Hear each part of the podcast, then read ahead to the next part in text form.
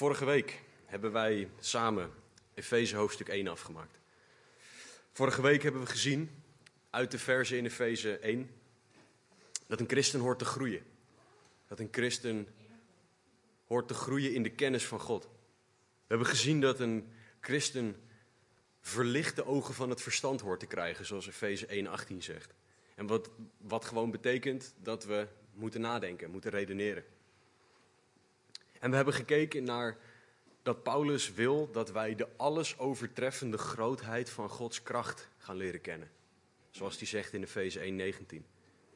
En dat is niet kennen van theoretisch kennen, dat is niet kunnen beredeneren hoe het allemaal zit, maar het is ervaringskennis. Meegemaakt hebben wie God is.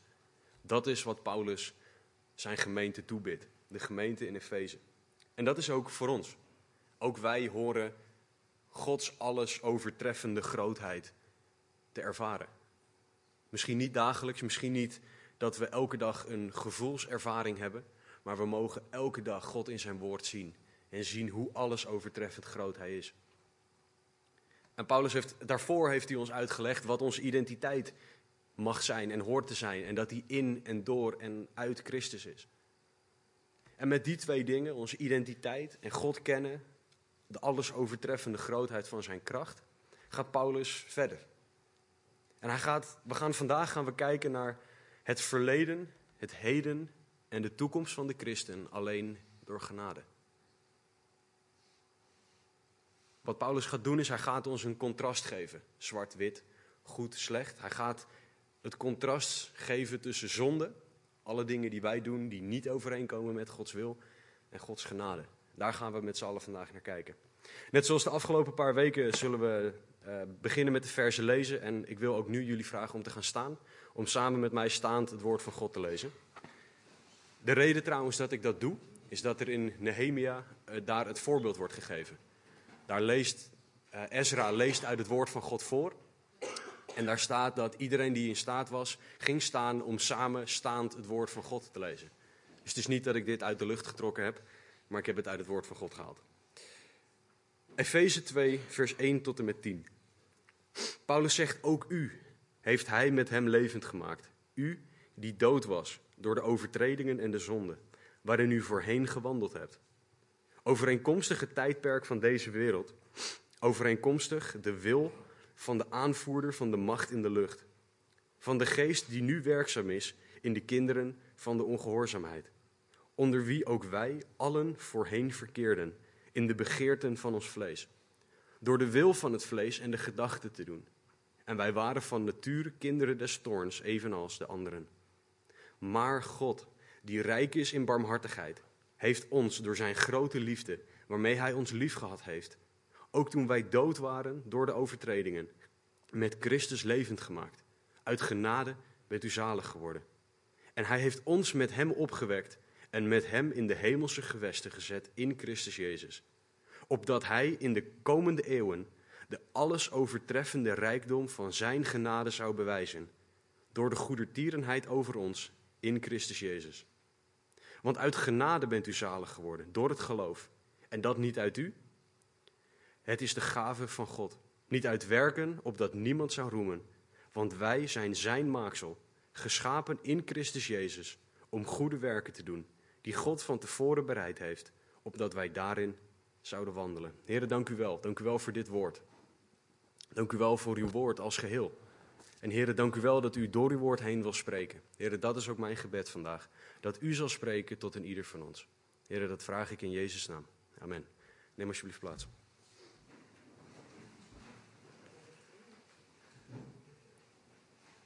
In, in hoofdstuk 2 begint Paulus door duidelijk te maken wat het effect van Gods alles overtreffende kracht is op de christen. Hij zegt, ook u heeft hij, God, met hem levend gemaakt, u die dood was door de overtredingen en de zonde. In het hoofdstuk ervoor heeft hij uitgelegd dat Gods kracht de, de christen um, allerlei mooie dingen geeft. Dat God die bewerkt heeft door Christus. En nu zegt hij, die kracht werkt ook in de christen door de christen levend te maken. Maar voordat ik tot geloof kwam, was het niet zo dat ik fysiek dood was. Het is ook niet zo dat iedereen die nu niet in God gelooft, fysiek dood is. Dat is niet wat Paulus bedoelt. Paulus bedoelt dat de mensen die niet in God geloven, geestelijk dood zijn. Dat ze God niet kennen. Johannes 4 zegt dat God geest is. En dat God contact wil met onze geest. Wij zijn geestelijk dood. Wat betekent dat wij niet in contact kunnen komen met God. Dat wij geen relatie met God hebben. Terwijl wij wel een relatie met God horen te hebben. Wat wij nodig hebben is de levensadem die God in ons blaast, zoals het ook in Genesis uitgelegd wordt. Namelijk, wij hebben de alles overtreffende grootheid van Gods kracht nodig. Dat is waar Paulus begint vandaag. Hij zegt, dit is wat jullie nodig hebben om levend te worden. En hij zegt, dit hebben jullie gekregen op het moment dat jullie in God geloven. En dat is wat God voor ons, voor ieder mens wil. Namelijk dat wij geestelijk levend worden, zodat wij een relatie met God kunnen hebben. En daarna zegt Paulus, u die dood was door de overtredingen en de zonde waarin u voorheen gewandeld hebt, overeenkomstig het tijdperk van deze wereld, overeenkomstig de wil van de aanvoerder van de macht in de lucht, van de geest die nu werkzaam is in de kinderen van de, van de ongehoorzaamheid, onder wie ook wij allen voorheen verkeerden, in de begeerte van ons vlees door de wil van het vlees en de gedachten te doen. En wij waren van nature kinderen des toorns, evenals de anderen. Wat Paulus hier zegt, is, hij zegt, dit is jullie verleden. Waar jullie wandelden voorheen in overtredingen en zonden. Want dat leidt tot de geestelijke dood. Wij hebben het DNA van Adam meegekregen, degene die voor het eerst zondigde. En daarom zit in ons dat wij van nature zondigen. Kijk maar naar een baby. Je hoeft een baby niet te leren om egoïstisch te zijn. Om alles voor zichzelf te willen. Ikke, ikke, ikke en de rest kan stikken. Dat is wat kinderen uit zichzelf weten. Dat moet je ze afleren. Je hoeft het ze niet aan te leren. Je hoeft kinderen niet af te leren om te liegen. Je moet ze aanleren om de waarheid te spreken. Daaruit zien we dat het in ons DNA zit. En wat Paulus zegt is: jullie wandelden voorheen in overtreding en zonde, overeenkomstig het tijdperk van deze wereld. Wat, wat, wat betekent deze wereld? Het is zo'n christelijke term die we vaak gebruiken, maar wat betekent dit nou daadwerkelijk? Ik had het daar gisteravond met Brian en Katie ook over. En we gebruiken soms woorden die we lastig kunnen definiëren. En de wereld komt gewoon neer op alles wat tegen God is. En vaak ook bewust tegen God is. En wat je ziet in de ongelovige wereld om ons heen, is dat mensen ook tegen God zijn. Dat zie je uit hun daden. Dat zie je uit wat men wil. Zie je uit wat men niet wil. Men wil niet horen over God die almachtig is. God die van hen houdt. God die uiteindelijk ook zal oordelen. Dat willen wij niet horen. De mens wil dat niet horen. Daaruit blijkt de wereld. En dat is waar wij vroeger in wandelden. Alles wat in opstand komt tegen God, alles wat God pijn doet. We volgen ook gewoon de massa. We zeggen wel, als één iemand in de, in de sloot springt, spring je er niet achteraan. Maar toch doen we dat als kuddedieren. Als één iemand begint over euthanasie, dat we dat toe moeten staan in elke mogelijke omstandigheid, volgt de massa. Als één iemand begint over, ga zo maar door. Er zijn zoveel zonden die we daarvoor kunnen opnoemen. Voor de christen geldt, het, geldt wat Jezus zegt in Johannes 16, vers 33. Deze dingen heb ik tot u gesproken, opdat u in mij vrede zult hebben. In de wereld, zegt Jezus, zult u verdrukking hebben, maar heb goede moed, ik heb de wereld overwonnen. Dat is waar wij vanuit mogen gaan. Dat is wat wij mogen weten. Jezus heeft overwonnen. Wij kunnen leven naar Jezus wil door Jezus, door wat hij gedaan heeft. Paulus zegt dat we wandelden in overtredingen en zonden, overeenkomstig de wil van de aanvoerder van de macht in de lucht. Van de geest die nu werkzaam is in de kinderen van de ongehoorzaamheid. Nou, wat betekent dat nou weer? Naast het feit dat wij de massa volgen, volgen wij ook één persoon. De stem van één iemand. Het klinkt misschien heel raar wat ik nu ga zeggen, maar Paulus spreekt hier over de duivel. De duivel heeft heel hard zijn best gedaan om ervoor te zorgen dat wij hem onderschatten of overschatten. De duivel heeft ervoor gezorgd dat wij misschien wel geloven dat hij niet bestaat. Duivel, kom op zeg, doe niet zo gek. Maar hij is echt.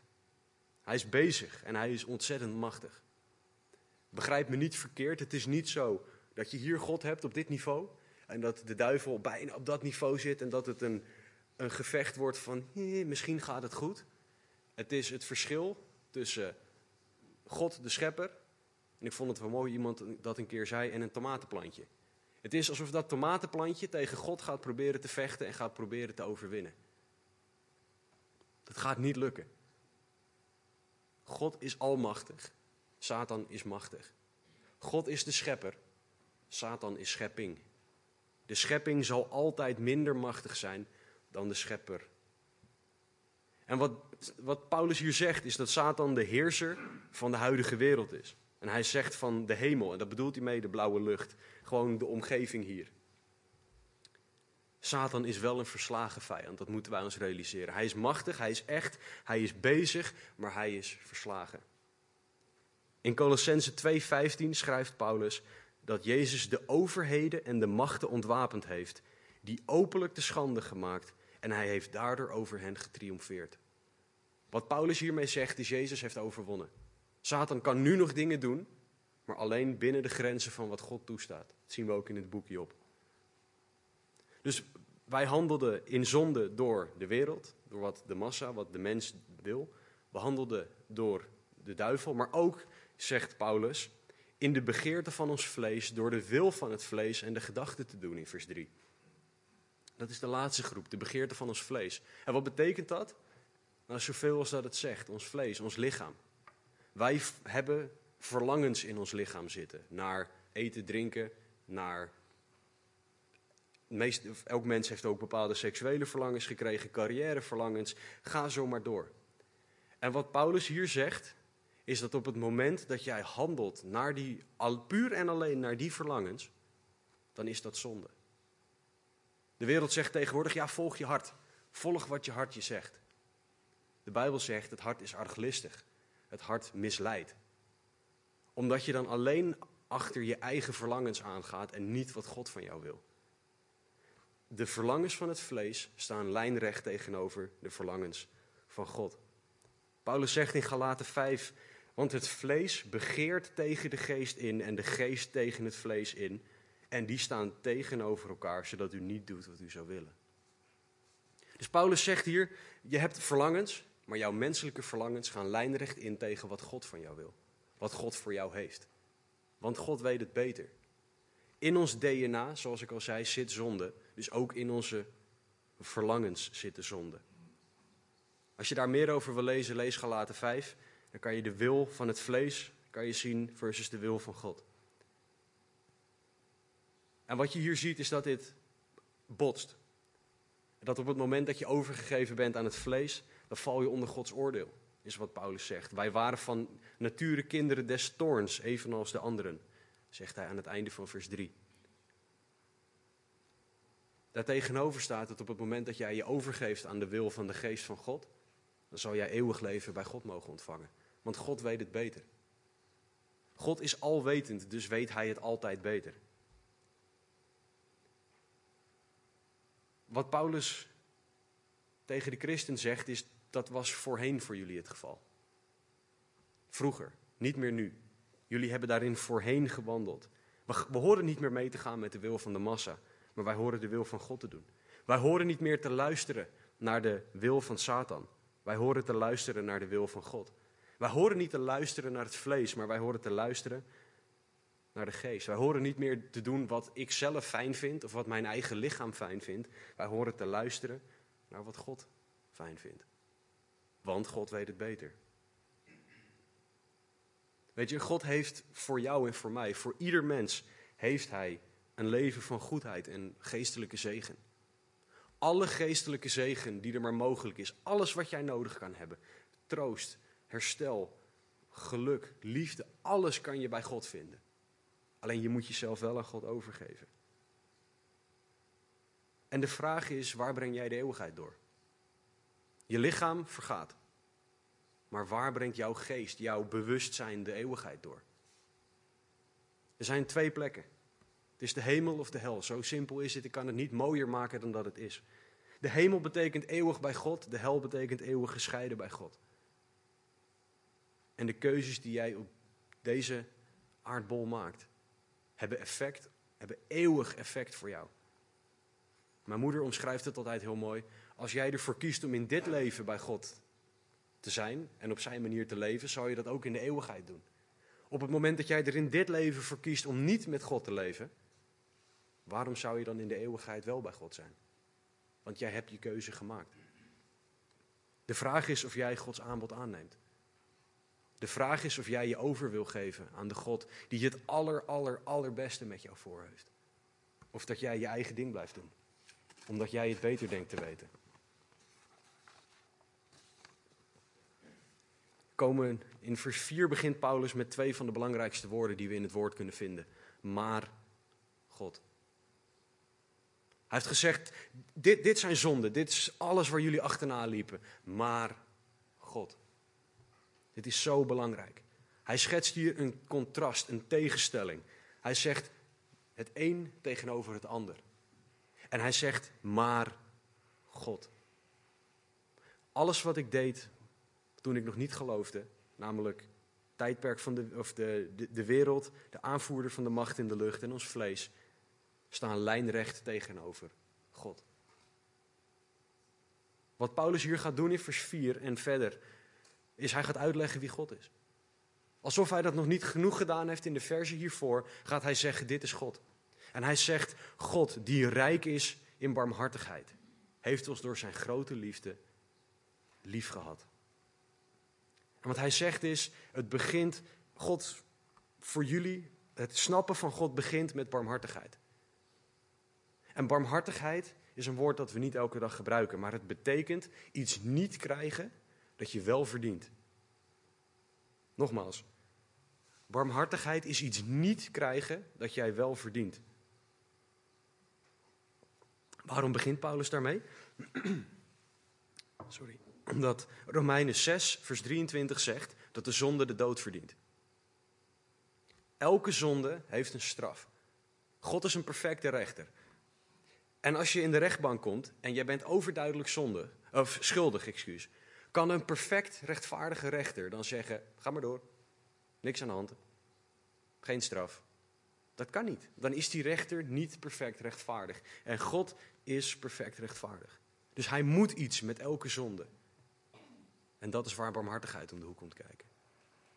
Wat jij verdient, krijg je niet. Wat ik verdien, krijg ik niet. Klaagliederen 3, vers 22, 23 zegt dat Gods barmhartigheid nieuw is, elke morgen. Elke morgen krijgen wij nieuwe barmhartigheid van God. We hoeven het niet met oude barmhartigheid te doen. Beschimmelde barmhartigheid, als je het misschien zo zou willen noemen. Er is altijd nieuw. Weet je, als barmhartigheid niet het begin zou zijn van waar Paulus het over heeft, dan zou onze straf blijven staan. Stel, God zou geen barmhartigheid geven, dan zouden wij nog steeds moeten krijgen wat we verdienen. En dan hebben we een probleem. Dus God begint gelukkig bij barmhartigheid. Hij geeft ons niet wat we wel verdienen. Wat een liefde. God houdt zoveel van jou. Dat hij zegt, ik ben bereid om jou niet te geven wat je wel verdient. En ik zal op me nemen wat jij wel verdient. Dat is wat Jezus gedaan heeft. Want dat blijkt ook uit het feit dat Paulus zegt: God die rijk is in, zijn, is in barmhartigheid, heeft ons door zijn grote liefde. En dat woord is agape-liefde, dat mag je gelijk weer vergeten, maar dat betekent onvoorwaardelijke liefde.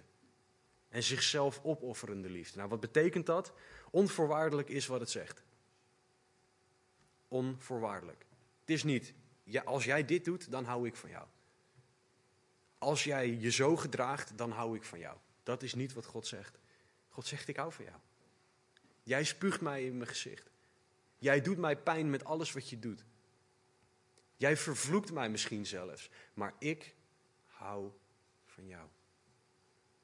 Dat is wat God tegen ieder mens zegt. Je verdient het niet. Je verdient iets heel anders, maar ik hou van jou. Meer dan dat jij ooit zal snappen.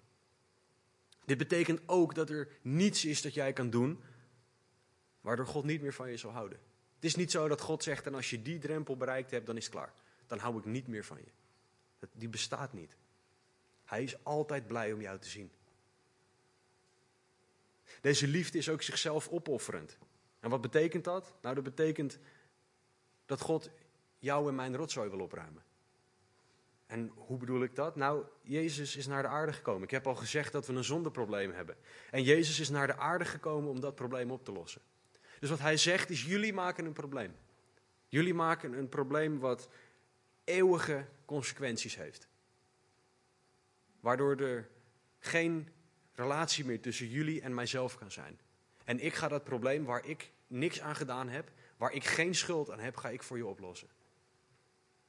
Ik ga alles doen wat er in mijn macht zit om het op te lossen. En jij hoeft alleen maar te kiezen om het aan te nemen.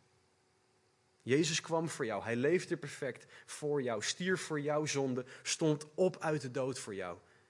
Jezus offerde zichzelf letterlijk op voor jou. De vraag is of jij dat aanneemt of niet. Het, God staat met open armen klaar. Wij hoeven alleen maar het aan te nemen. Wat we hier zien is dat in het kennen van God we Gods barmhartigheid en Gods liefde mogen zien. En Paulus zegt niet, jullie doen al deze dingen, dus staat Gods oordeel klaar. Paulus zegt, jullie doen deze dingen en hier is Gods barmhartigheid. En hier is Gods liefde voor jou en voor mij.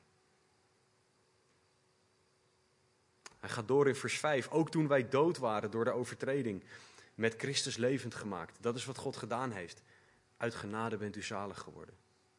Door zijn grote liefde heeft de God die rijk is in barmhartigheid ons levend gemaakt, is wat, wat Paulus zegt. Jesaja 59:2 zegt dat wij door onze eigen zonde gescheiden zijn van God. Alles wat wij doen wat tegen Gods wil ingaat, brengt een scheiding tussen ons en God. En wat God nu zegt is met deze barmhartigheid en liefde heb ik jou levend gemaakt. Echt leven. Leven naar zijn standaard. Leven zoals hij het bedoeld heeft. Een, een schepper heeft altijd een bepaald doel met datgene wat hij maakt. En God zegt, jij kan alleen dat doel bereiken door mij heen. En dit kunnen we alleen ontvangen door de Heilige Geest, zoals Efeze 1:17 ons ook leert. Alleen de Heilige Geest kan ons dit openbaren. Hij wil dat we dit snappen, dat we dit begrijpen. Zoals Efeze 1:18 zegt, verlicht de ogen van ons verstand. Dit, is, dit zit heel logisch in elkaar. En wat Paulus aan het einde van hoofdstuk 5 zegt is, uit genade bent u zalig geworden. Dit is een van Paulus' favoriete woorden, genade. Het is wel grappig dat Jezus in de evangelie dertien keer het woord genade gebruikt. Paulus gebruikt in al zijn brieven, in alles wat hij schrijft, 144 keer een vorm van het woord genade. 144 keer. En wat is genade dan? Nou, dat is iets wel krijgen dat je niet verdiend hebt. God geeft ons allemaal zegeningen, allemaal dingen wel die wij helemaal niet verdiend hadden. Hij zegt eerst: Ik zorg ervoor dat je niet krijgt wat je wel verdient en daarna wat je wel krijgt wat je niet verdient. Dat is God. Het is onbegrijpelijk, maar waar. Dat is genade. Maar waarom begint Paulus nou hier? Waarom begint hij eerst over zonde en daarna pas over barmhartigheid en genade? Nou, je begrijpt niet dat je een probleem hebt of een oplossing nodig hebt als je niet ziet dat er een probleem is. Dus wat Paulus doet, is hij zegt: Dit is het probleem. Of dit, dit is hetgene waar jullie problemen mee hebben. Waar elk mens problemen mee heeft, zonde. En de oplossing, die zit bij God. Barmhartigheid en genade. Wij moeten eerst zien hoe groot ons zondeprobleem is. Voordat wij snappen dat we zijn barmhartigheid en genade nodig hebben. Voordat we snappen hoe ver zijn barmhartigheid en zijn genade gaat. Weet je, wat elk mens, wat wij ons allemaal moeten beseffen, is dat zonde een eeuwig probleem is. Zonde gaat tegen God in. In, je, in Psalm 51, 6 schrijft David: Tegen u en u alleen heb ik gezondigd.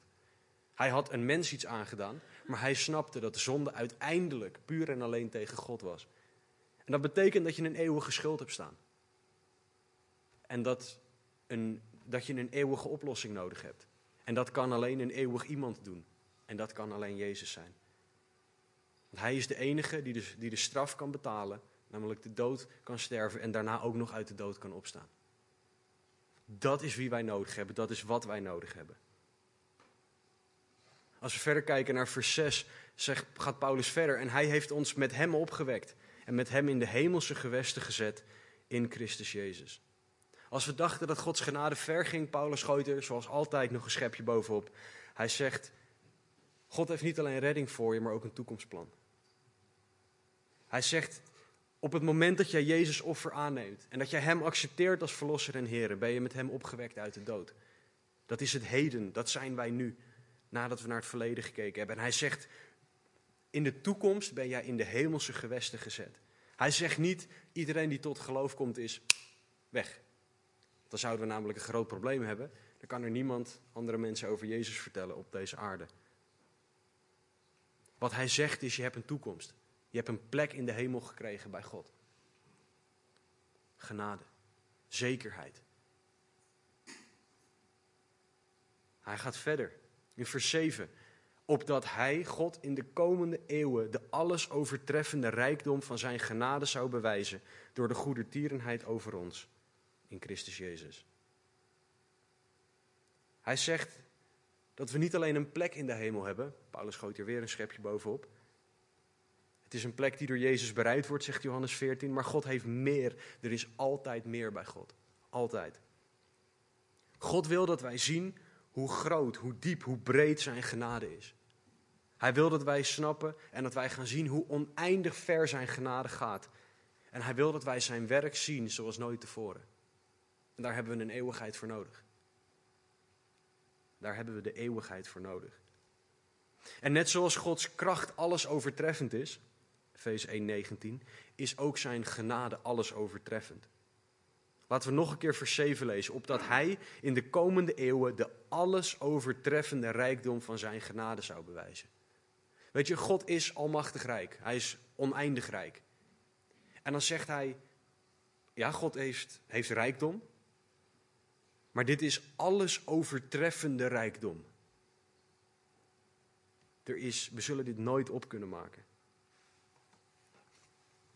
We zullen dit nooit op kunnen maken. En wat betekent dit nou gewoon? Heel simpel, jij kan niks doen. Ik kan niks doen om buiten Gods genade te stappen. Het enige wat wij kunnen doen is God afwijzen tot aan onze dood.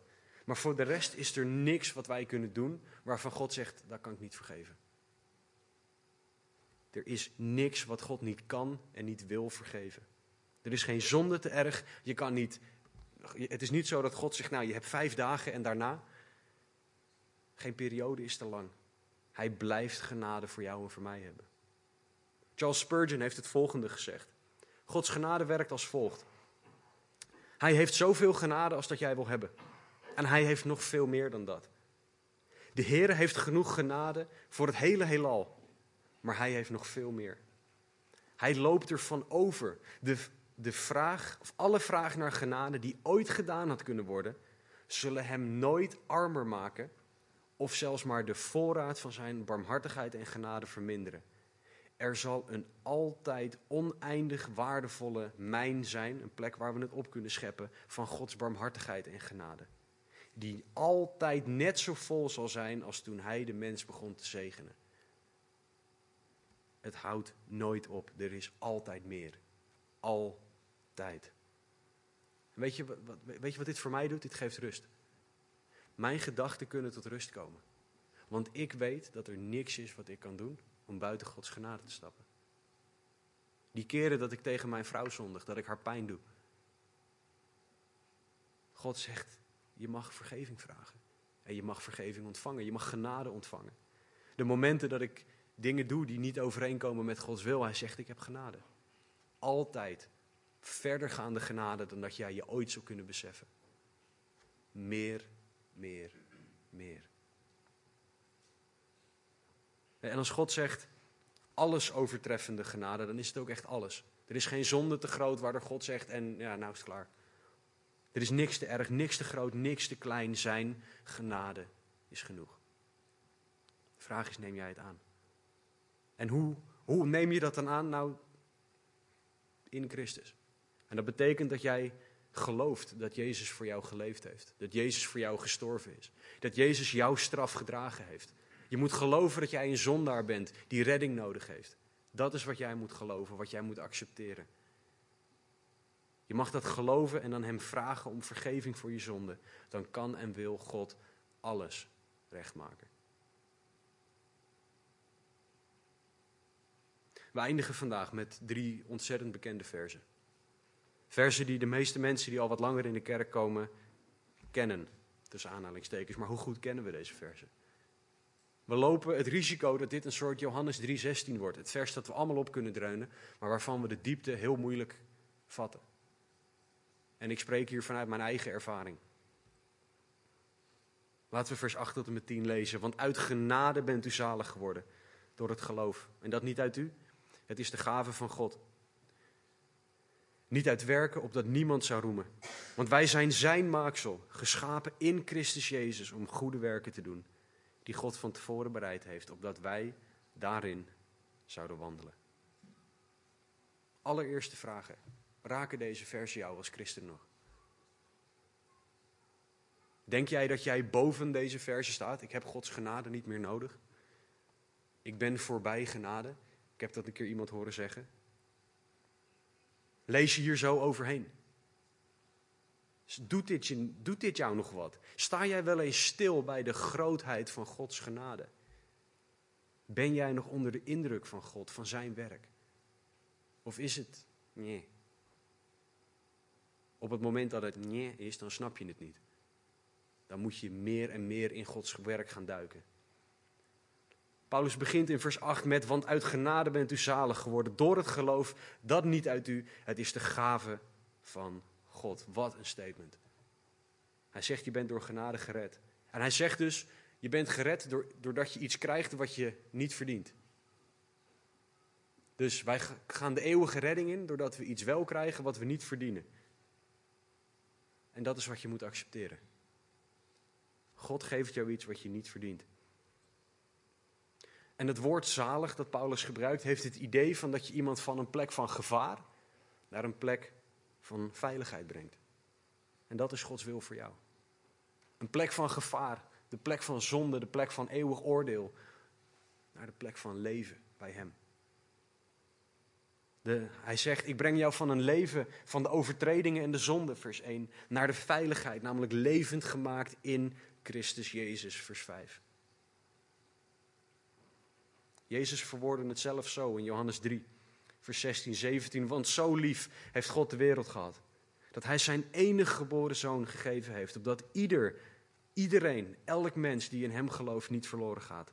Maar eeuwig leven heeft. Want God heeft zijn zoon niet in de wereld gezonden opdat hij de wereld zou veroordelen.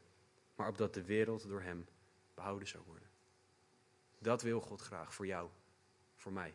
Hij wil jou behouden. Hij wil niet dat jij op die plek terechtkomt waar je niet hoort te zijn. Hij wil dat jij de eeuwigheid bij Hem doorbrengt. En zoals ik al zei, gaat het hier over overtreding, gaat het hier over een rechtszaak. God is perfect en wij niet. En God is heilig en wij zondigen.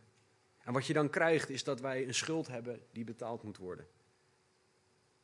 God in zijn perfecte rechtvaardigheid moet iets met elke zonde. Romeinen 3:23 zegt dat elk mens zondigt en daarmee de doodstraf verdient. Genade is het feit dat God zoveel van jou en van mij houdt dat hij Jezus stuurde om die straf te dragen. Genade is het feit dat God jouw straf droeg, dat hij zegt ik ben bereid om dat op mij te nemen. Genade is het feit dat wij nu vrij mogen zijn van zonde, van schuld en zelfs van schuldgevoelens. Dat is, dat is vaak nog wel het ergste voor ons. De schuldgevoelens die door je hoofd gaan. De dingen die de Satan je aanpraat. Van, oh wat ben jij toch een slecht mens. Oh wat ben jij vreselijk. God zal nooit van jou willen houden. Hij zal nooit van jou houden. Nooit, nooit, nooit. God zegt dat zijn leugens. Ik hou van jou. Genade is het feit dat Jezus kwam om de wereld dit aan te bieden.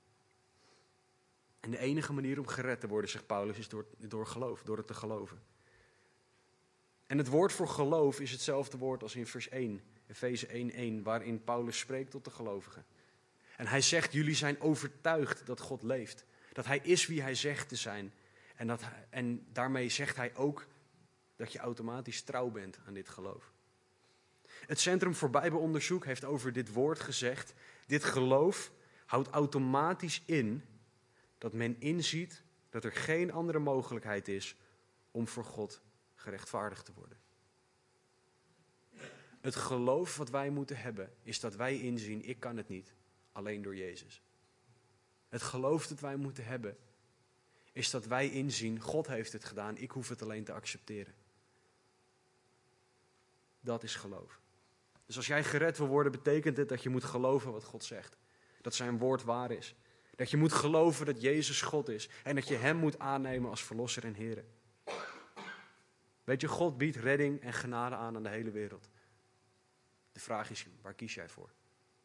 Kies jij voor je eigen wil of voor de wil van God? Kies jij voor je eigen verlangens of voor het de verlangens van God?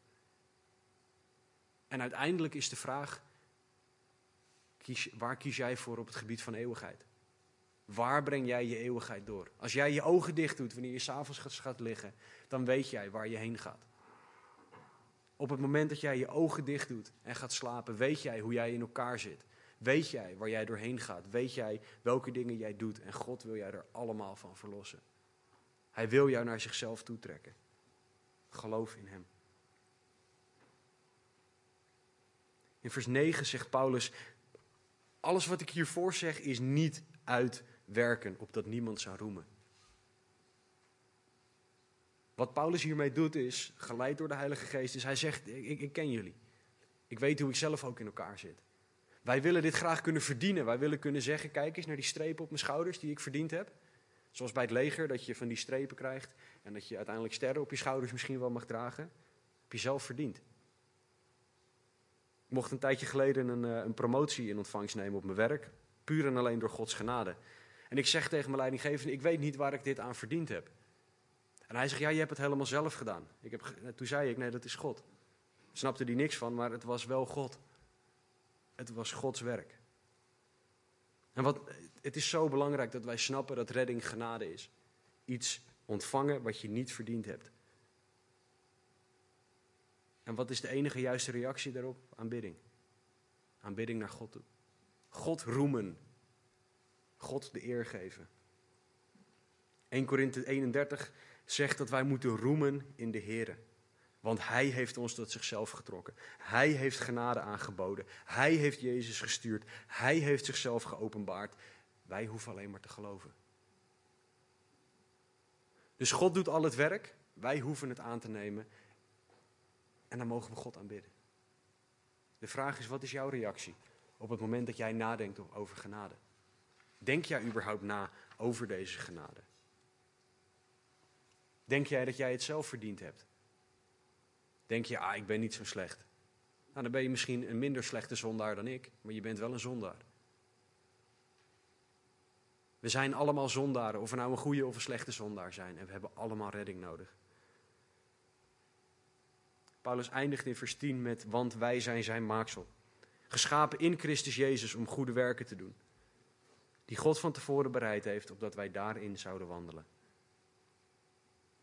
We hebben gekeken naar het verleden, ons overtredingen en de zonde. We hebben gekeken naar ons heden, namelijk dat wij gered zijn door genade. En onze toekomst is dan ook dat wij werken van God mogen doen. Naast het feit dat wij in de verre toekomst, of misschien niet zo ver, ehm, in de hemel bij God mogen zijn. God heeft, voordat hij de wereld schiep, heeft hij bedacht, ik wil dat, en vul je naam maar in, deze dingen gaat doen. Dat heeft hij specifiek voor jou bedacht. Daar, daar hebben wij geen enkel aandeel in, behalve dat wij luisteren naar God. En wat we zien is dat God de mens gemaakt heeft, het verleden, dat is de schepping. Wij zijn in het heden, horen wij goede werken te doen, nu al. En God heeft nog veel meer voor ons klaarstaan, de toekomst. En de vraag is dan, wat doe jij? Waar hou jij je mee bezig? Zijn de dingen die jij doet God erend? Mannen, heb jij je vrouw lief zoals Christus de gemeente? Dat is het werk dat God voor jou in petto heeft. Het werk dat God voor jou apart gezet heeft. Vrouwen, onderschik jij je aan je man zoals aan de Heer? Is onderschikken aan je man deel van jouw dienstbaarheid aan God of niet? Kinderen, luister naar je ouders. Er zijn geloof ik drie versen in het woord waarin God spreekt direct tegen kinderen. En wat hij daar zegt is precies de woorden die geen enkel kind wil horen. Luister naar je ouders. Er staat nergens dat dat ooit stopt. Want ik blijf altijd een kind van mijn ouders. En zo heeft God nog veel meer dingen die hij in zijn woord zegt. Wat doe jij? Een van de dingen die ik niet snap en hoe meer, en hoe, hoe meer ik het woord lees en hoe langer ik met God mag wandelen, hoe minder ik het snap. Want wat er staat is dat God ons gemaakt heeft met een doel. Dat Hij ons genade geeft om te geloven. Dat Hij ons genade geeft om gered te worden. Dat Hij ons genade geeft om goede werken te doen. Dat Hij ons genade geeft, namelijk de kracht om die goede werken te doen.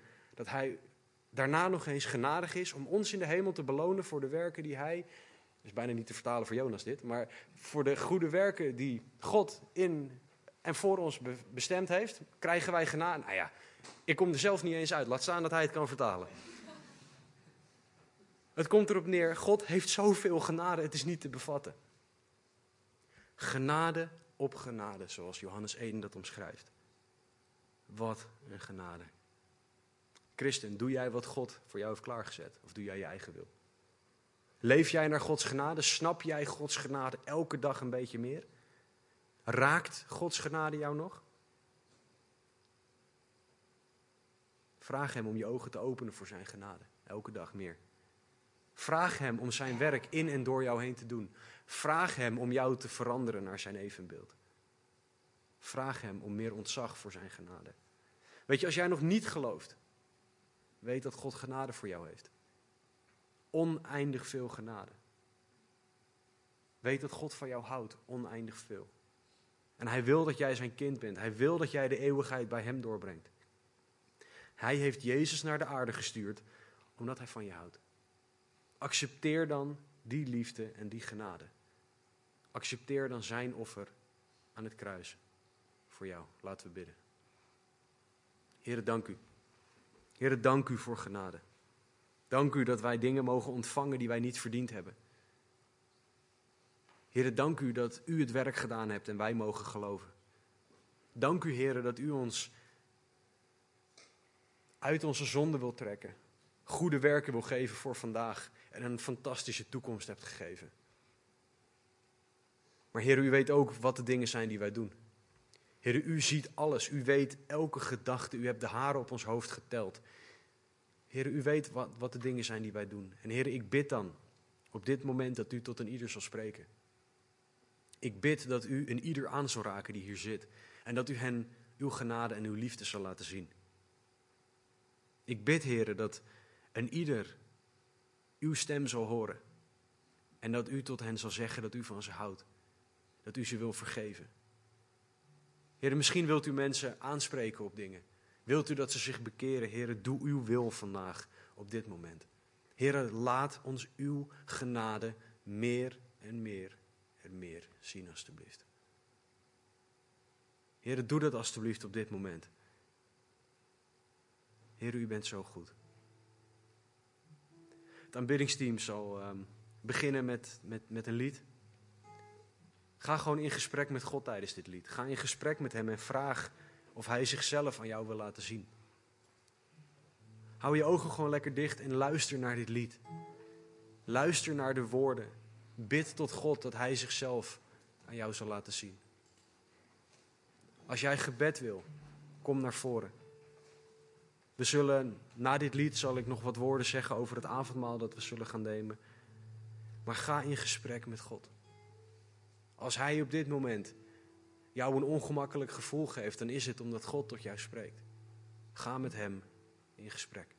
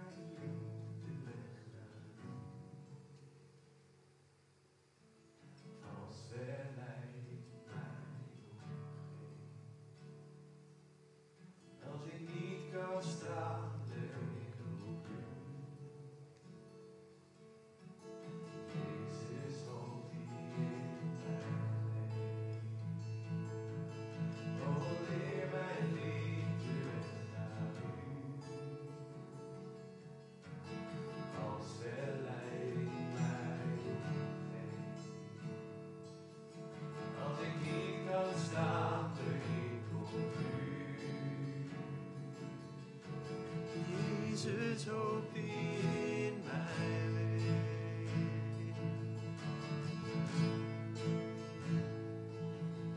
Mijn Heer, heb u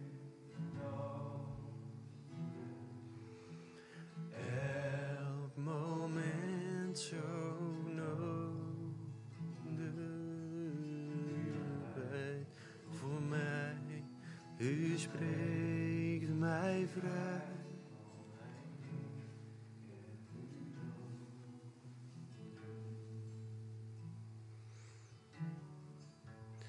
Vieren vanochtend heilig avondmaal samen. En dat is iets door Jezus zelf ingesteld als herinnering aan wat hij gedaan heeft. En Petrus vat het mooier samen dan dat ik het uit kan leggen in 1 Petrus 2. Hij zegt, hij die geen zonde gedaan heeft en in wiens mond geen bedrog gevonden is. Die toen hij uitgescholden werd niet terugschold. En toen hij leed niet dreigde, maar het overgaf aan hem die rechtvaardig oordeelt. Die zelf onze zonde in zijn lichaam gedragen heeft op het hout, opdat wij voor de zonden dood voor de gerechtigheid zouden, zouden leven. Door zijn striemen bent u genezen. Dat is wat Jezus gedaan heeft. Voor jou. Voor mij. Als Jezus zo jouw verlosser en Heer is, praat dan met hem. Of er nog iets in jouw hart rechtgezet moet worden. Of er nog dingen tussen jou en hem instaan. Praat met God, zodat je meer en meer mag beseffen wat hij voor jou gedaan heeft. Vraag aan God om jou dit werk aan het kruis te laten zien, zijn genade. Als jij nog niet in Jezus gelooft, weet dan dat Jezus dit voor jou gedaan heeft. Misschien als je een tijd niet meer met God gewandeld hebt, weet dat dit is wat Jezus voor jou gedaan heeft. Hij is als perfect God naar de aarde gekomen omdat hij van je houdt. Hij leefde perfect omdat hij van je houdt.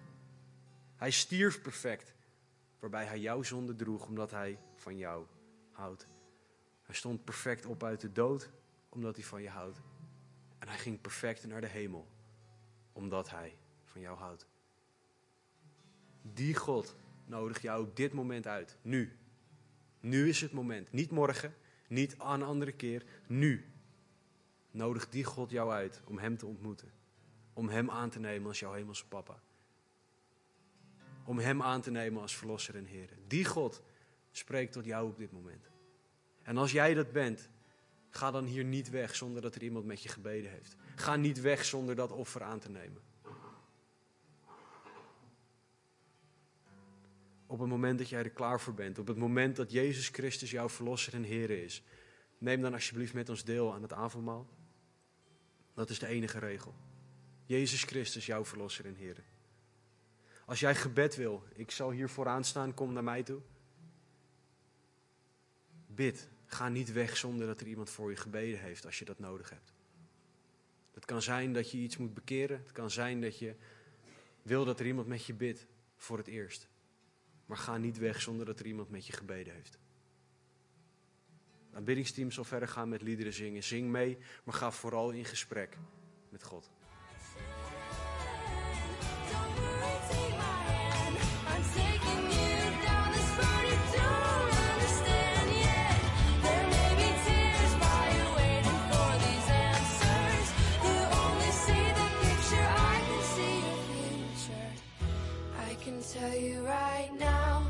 gonna be alright.